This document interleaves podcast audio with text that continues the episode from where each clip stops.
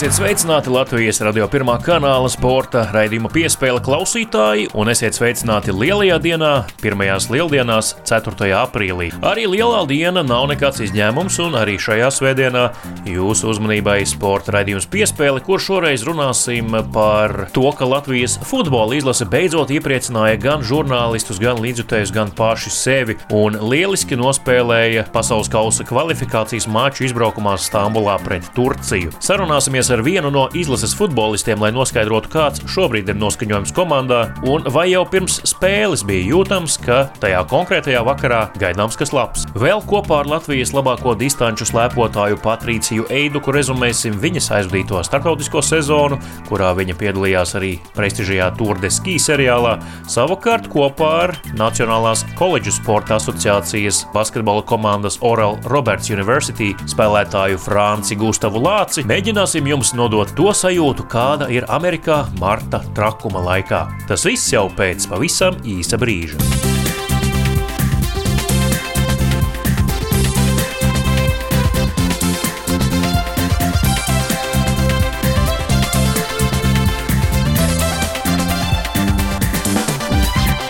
Jūs klausāties Latvijas radio pirmā kanāla sporta raidījumu piespēle studijā Mārtiņš Kļavinieks. Latvijas futbola izlase trieciena tempā uzsākusi 2022. gada pasaules kausa kvalifikācijas ciklu. Vispirms pagājušajā nedēļā zaudējums ar 1-2 Melnkalnes izlasējas konto stadionā, pēc tam 0-2 Nīderlandē un tad šonadēļ 3-3 Turcijā. Tieši mačs pret Turkiem vairojas pozitīvismu Latvijas futbolā un atgriezis cerību izlases spēlē spējām daudziem, kuri to jau bija zaudējuši. Komanda atradās iedzinējos gan ar 0-1, gan 1-3, bet abas reizes prātā atspēlēties un panākt neizšķirtu 3-3. Pirmie vārti izlasēja gan Robertam Savaļniekam, gan Robertam Ulriķim, bet neizšķirtu panāca Dāvis Ikaunieks.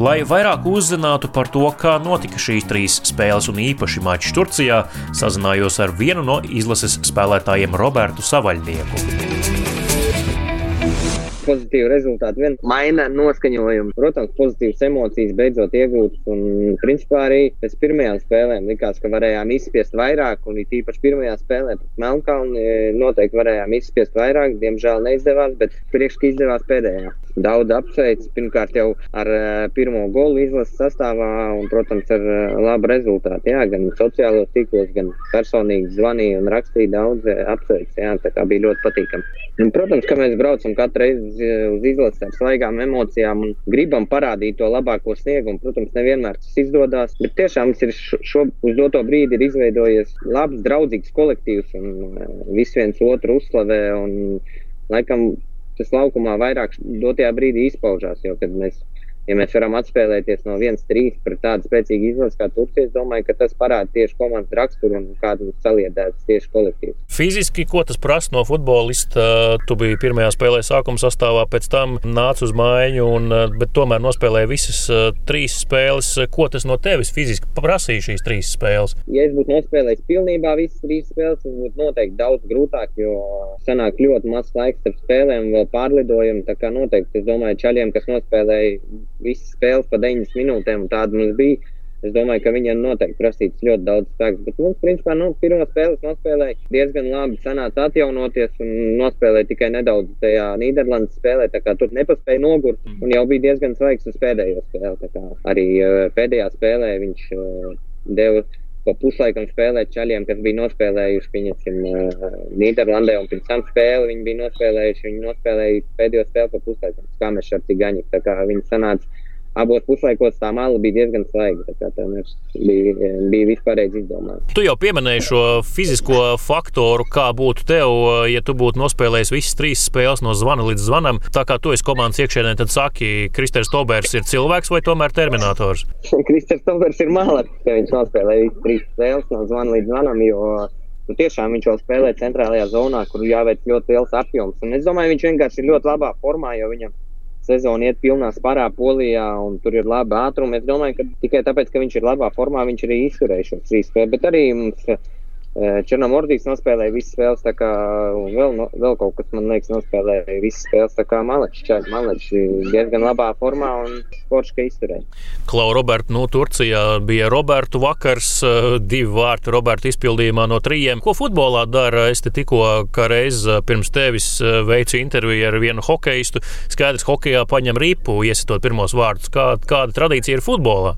Tas pats izvēlēts, pats izvēlēts, kāds ko viņš dara tieši tajā brīdī. Es pieņemsim, paņēmu, protams, es bieži paņemu krāklus eh, no savām spēlēm, bet šoreiz es paņēmu un domāju, ka es ierāmēšu noteikti kā, kā par piemiņu, kad pirmais gols tajā krāklā. Bumbas neviens neņem, jā?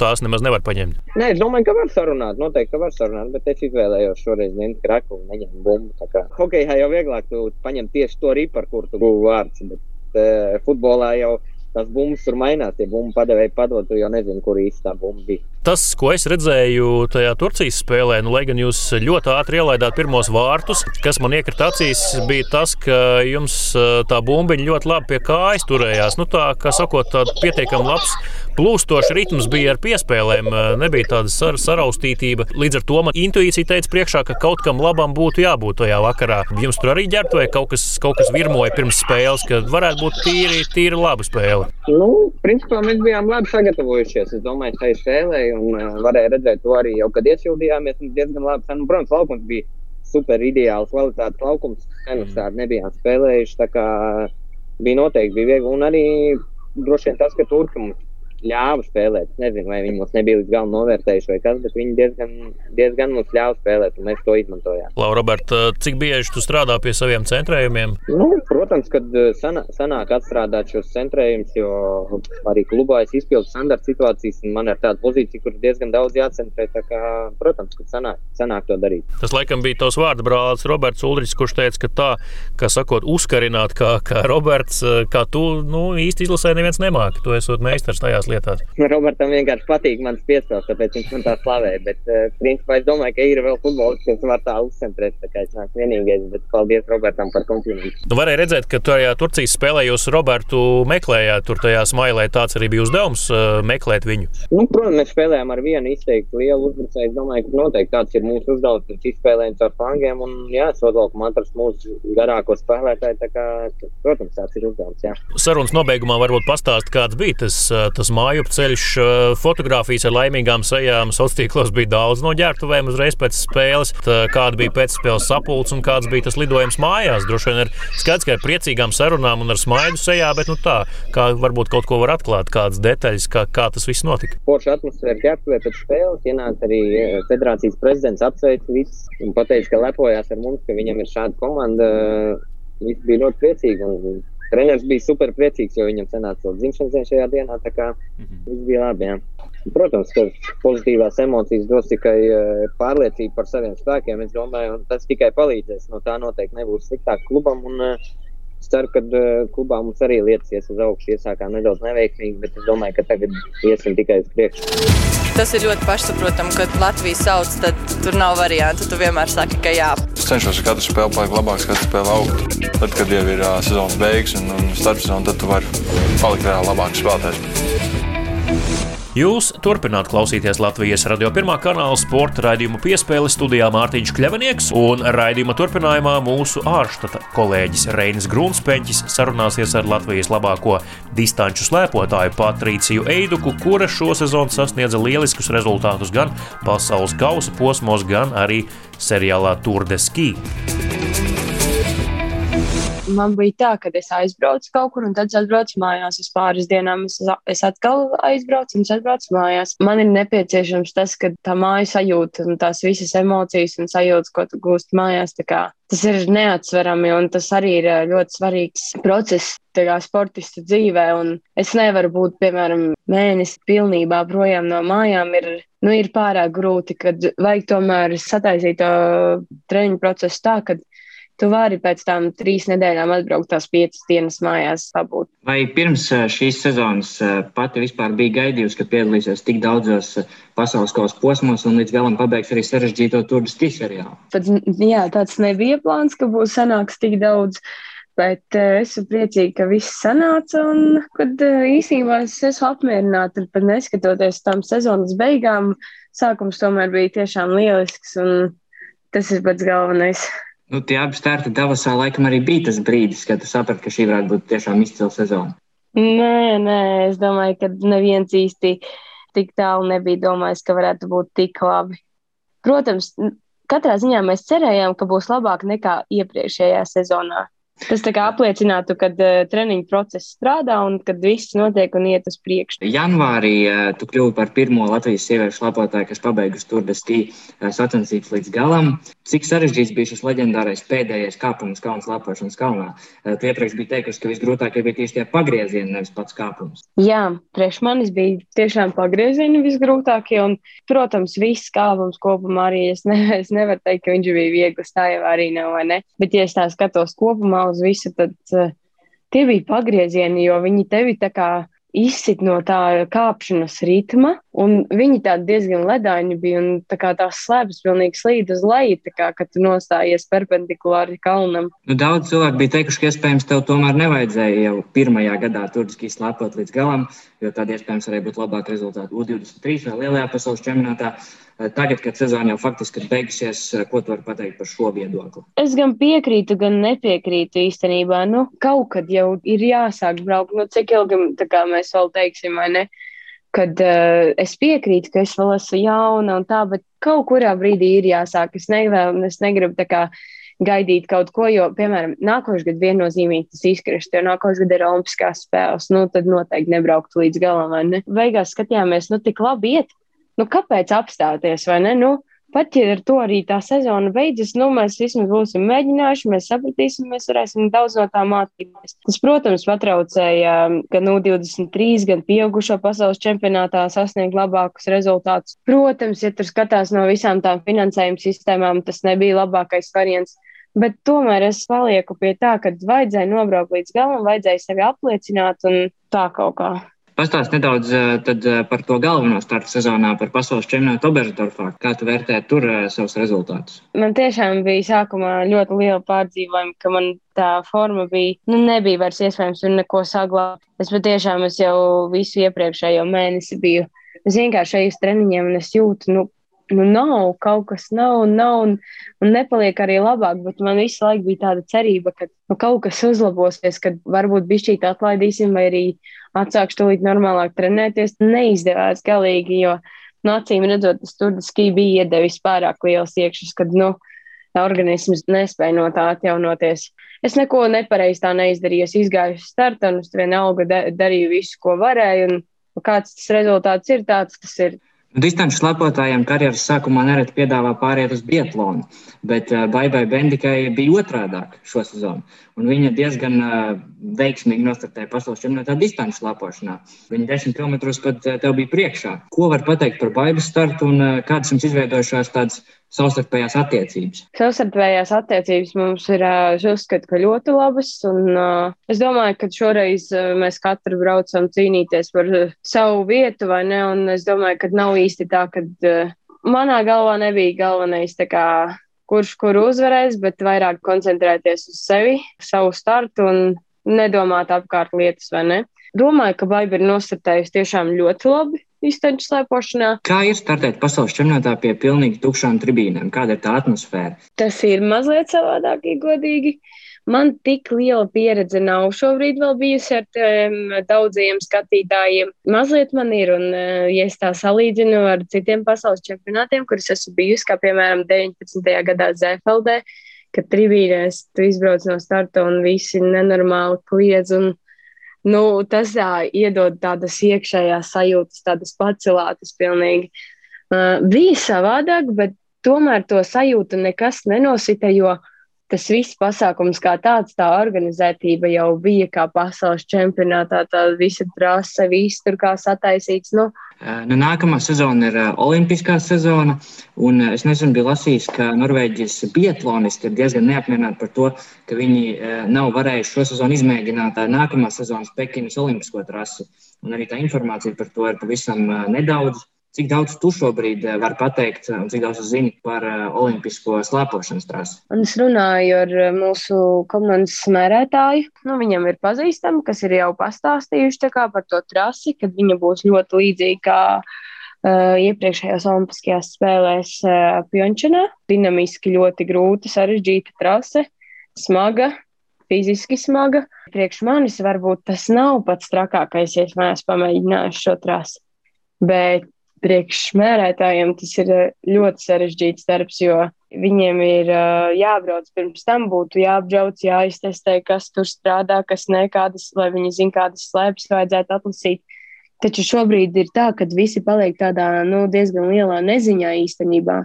Labi, Patricija, paldies, ka atradi laiku. Paldies jums! Tajā brīdī es biju labākais pasaulē. Visas pirmās vietas ir līdzvērtīgas zeltam ka tev paliek viss grūtāk, bet tu zini, ka tu cīnies par komandu, tu cīnies par Latvijas vārtu. Tur parādās tā cīņa. Koledžu sports Amerikas Savienotajās valstīs ir kas ļoti liels, nereti tam seko līdzi daudz vairāk cilvēku nekā profesionālajām dažādu sporta līgām. Pēdējos gados latviešu skaits Nacionālās koledžu sporta asociācijas pirmās divīzijas komandās gan basketbolā, gan hokejā ir krietni pieaudzis. NCAA čempionātā pirmo sezonu aizvada arī Latvijas sieviešu volejbola izlases līdere Marta Kamēlija Levinska, un jau rudenī arī uz prestižo Pensilvānijas universitāti pārcelsies viena no daudzsološākajām pašmā jaunajām tenisistēm Sabīne Rutlauka. Visvairāk ASV koledžu sportā tomēr pārstāvēts basketbols. Šopavasar tā sauktajā Marta trakumā, jeb NCAA koledžu sporta izslēgšanas mačos, spēlēja arī viens vīru basketbola pārstāvis. Tas bija Francis Gustavs Lācis un viņa Oral Roberts University komanda. Tagad Marta trakums Francim Gustavam Lācim noslēdzies, bet raidījums piespēle sazinājās ar viņu, lai noskaidrotu, kāda bijusi šī unikālā pieredze. Sveiki! Čau! Pastāst klausītājiem, kas tad īsti ir Marta trakums? Kāpēc Martā eh, saistībā ar koledžu sportu Amerikā visi jūg prātā? Nu, Marta trakumu varētu nosaukt kā koledžas basketbola playoff. Pirmajā divīzijā NCAA ir 357 komandas, bet uz šo marta trakumu tiek tikai 64. Man liekas, pēc kaut kādiem TV reitingiem šis atpaliek tikai no pasaules kausa futbolā. Skatās pilnīgi visi, nauda tiek ieguldīta. Arī gan jau visa, kas tik ir. Nu jā, un tā ažiotāža ir liela, un tāpēc dažu vien tas bišķiņi arī ir uzpūsts, tā, cik tas liels ir, un tāpēc arī visi tik ļoti tur grib nokļūt un spēlēt, bet, nu, visiem nesanāk, bet, nu, man par laimi pirmo reizi mūžā šogad uh, paveicās un tikām tajā marta trakumā. Jā, nu skatu milzīga acu pāru pavērstu tavā virzienā un visas komandas virzienā ļoti daudz. Sajūti atgriezenisko saiti no Latvijas, ka varbūt vairāk ziņu pienāca ar atbalsta frāzēm vai kā citādi tu jūti to atbalsta vilni lielāku nekā vienkārši sezonā spēlējot koledžā? Pilnīgi noteikti. Un, un, un arī tad, kad jau tikām uz to Marta trakumu, jau tāds tur pienāks ziņas, ka tur apsveic, jo nu, tas ir liels notikums, bet nu, droši vien jau neviens neko no mums negaidīja. Tad, kad mēs to pirmo spēli uzvarējām tajā Marta trakumā, nu, tad jau tiešām telefons sāka sprāgt pušu, un tā, tas bija kaut kas nepieredzēts, tā uzmanības plūsma. Protams, arī tur uzreiz kaut kāda skolas biedra tev sāk rakstīt, tur apsveic un ir gatavi prasa, vai nevar biļetes dabūt, ir gatavi tās desmit stundas braukt uz to Indiānu, lai tikai skatītos spēles. Žēl bija, ka tā Covid sezona, jo visiem vietas nesanāca, bet um, nu, tā atmosfēra tāpatās ir eh, kaut kas grandios. Daudz draugu tev pēkšņi saradās. Jā, visi gribēja būt tam. Jā, tas ir jā, tie, tie fake draugi, kas pēkšņi uzvar, tad jau visi draugi.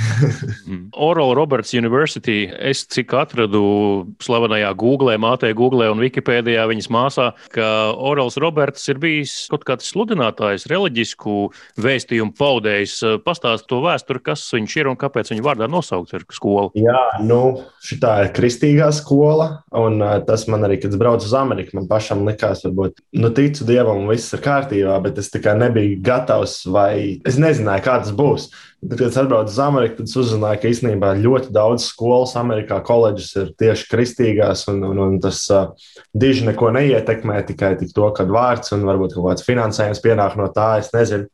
Bet tieši par Orālu Roberts viņš uh, pats bija, man liekas, 60. un 70. gados. Viņš bija basketbola spēlētājs, un viņš vienā reizē kaut kādā saļima basketbola laukumā, un uh, likās, viss, ka viņam būs beigas, bet tad viņš esot redzējis vīziju, ka viņam Dievs atnāca un teica, ka viņam jāuzbūvē šī skola, un tad viss būs kārtībā.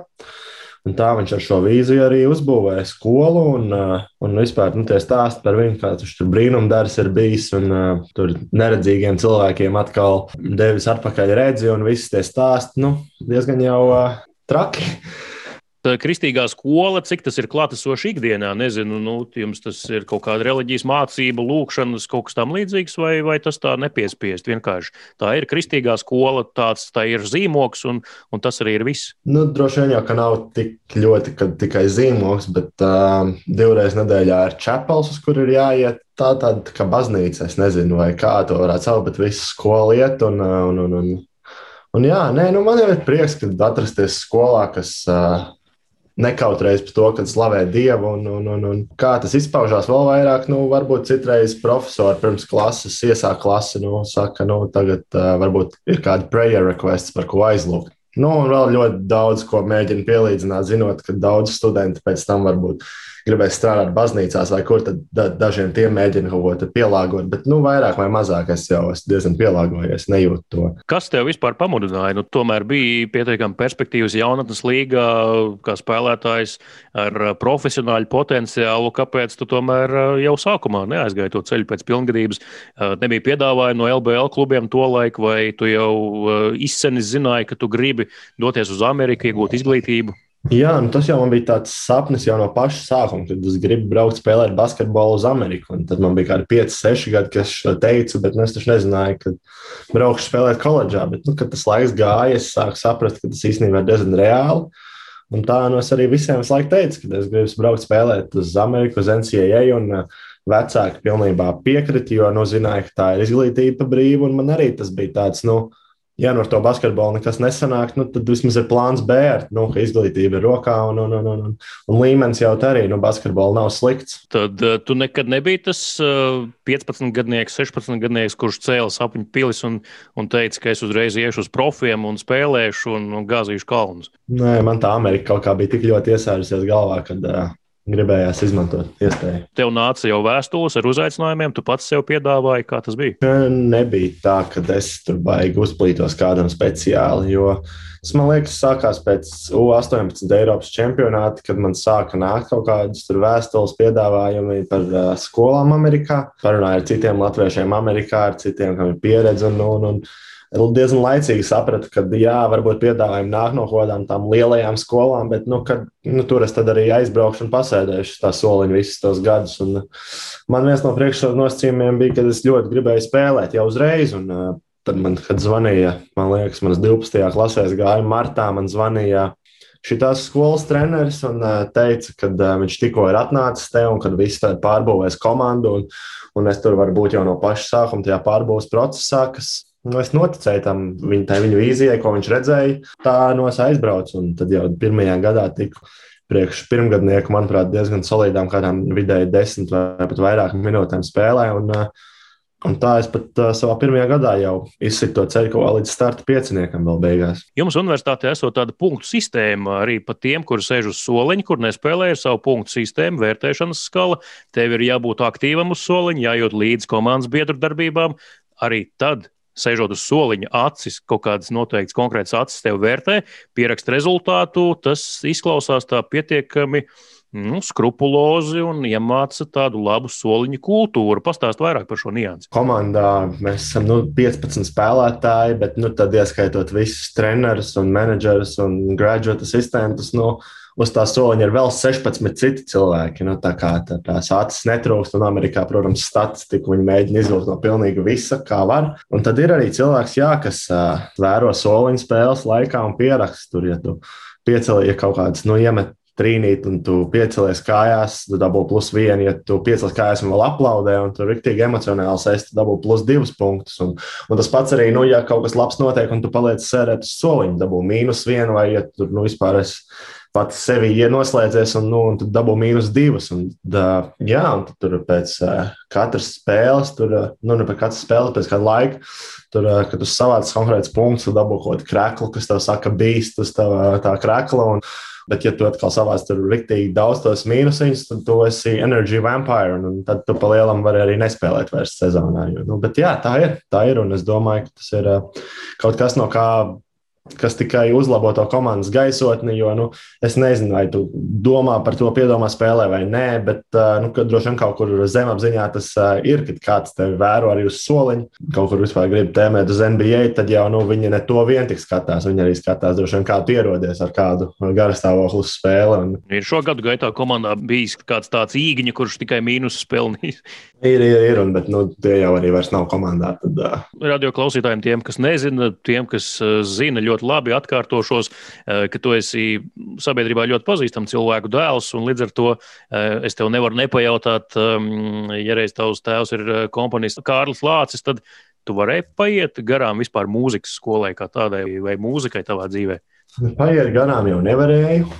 Sāku iet mūzikas skolā, man liekas, 6 vai 7 gadu vecumā, arī tāpat, kad sāku basketbolu, bet um, mūzika man nekad nebija tas pirmais. Un, uh, Un, ja, ja varēja kaut ko nosačkot, tad tā arī darīja tajā mūzikas skolā. Nu, un, nu, vecāki jau arī to diezgan laicīgi saprata, bet nu, viņi teica, ka, ja esmu iesācis, tad jāpabeidz. Un, bet nu, tā viss ir pieredze, un es esmu priecīgs, ka es pabeidzu mūzikas skolu, kaut ko mazliet orientējos tajā mūzikā. Nu, bet uh, visā kopumā no mūzikas diezgan patālā esmu brālim tur var būt labākas iespējas.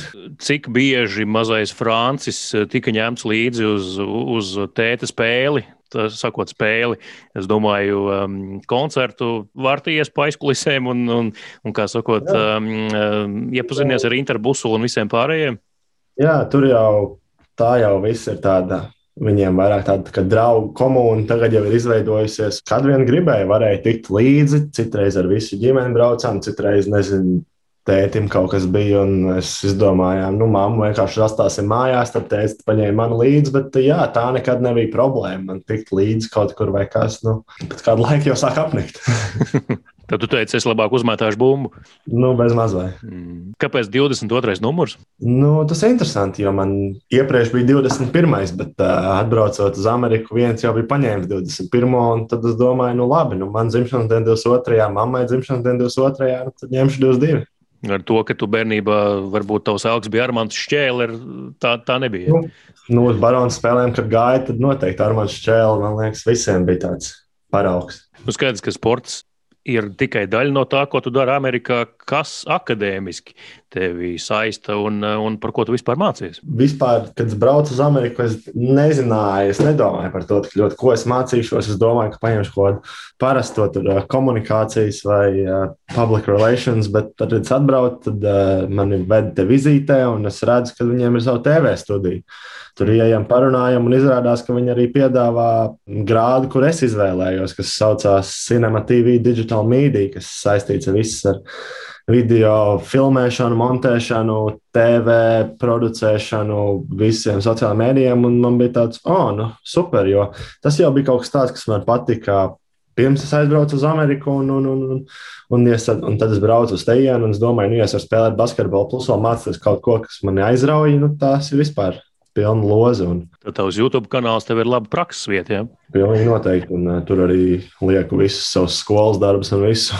Vīzija par basketbolu kā profesiju, tā tev joprojām ir dzīva, saglabājusies. Tu jūti, ka tu tam esi pietuvojies šo gadu laikā, esot koledžā. Basketbols, protams, man ir uh, joprojām mērķis, ko es tiecos, ka to es gribētu arī pelnīt savu iztiku. Basketbols man patīk, un droši vien, nu, kamēr neredzu, ka tuvākajā laikā varētu beigt patikt. Patīk viss treniņu process, patīk viss, kas ir tajā iesaistīts. Skatīties basketbolu, spēlēt un, un, un visu pārējo. Šobrīd neredzu, kad varētu aiziet prom tik ātri no tā basketbola. Tāda lūk saruna ar um, Franci Gustavu Lāci, uh, Oral Roberts University basketbolistu, arī šīs tā skolas studentu. Vēlam veiksmi gan mācībās, gan arī basketbolā Francija. Vēl viens gads atlicis koledžā, ja? Vēl vismaz viens, jā. Tas nozīmē, ka tu vari cerēt uz to, ka tu būsi veiksmīgāks nekā tie, kuri šobrīd eh, šogad absolvēs Amerikas koledžas no latviešiem, jo cik es esmu ar viņiem runājis, diezgan bēdīgi, jo eh, tās cepures būs jāmet gaisā zūmā. Savukārt tev ir cerība, ka nākamgad tomēr varbūt pasaule iegriežas tādās normālākās sliedēs un jums būs tāds īsts izlaidums. Tieši tā, tieši tā. Uz to arī ceram, to novēlam. Paldies par šo sarunu, paldies par šo brīnišķīgo martu, ko eh, tu un komanda dāvāja visiem Latvijā, sekojot līdz tev un tavām gaitām Amerikā. Tā kā ceram uz kaut ko līdzīgu arī nākamgad. Paldies! Paldies! Līdz ar to arī izskan šo lieldienu sporta raidījums piespēle. To veidoju un vadīju es Mārtiņš Kļavinieks. Par labskaņu, kā vienmēr, parūpējās Nora Mītspapa. Vēl tikai atgādināšu, ka raidījumu piespēle meklējiet arī jebkurā sev ērtā raidierakstu jeb podkāstu klausīšanās lietotnē. Tur arī atrodamas plašākas sarunas ar raidījuma dalībniekiem. Uz sadzirdēšanos!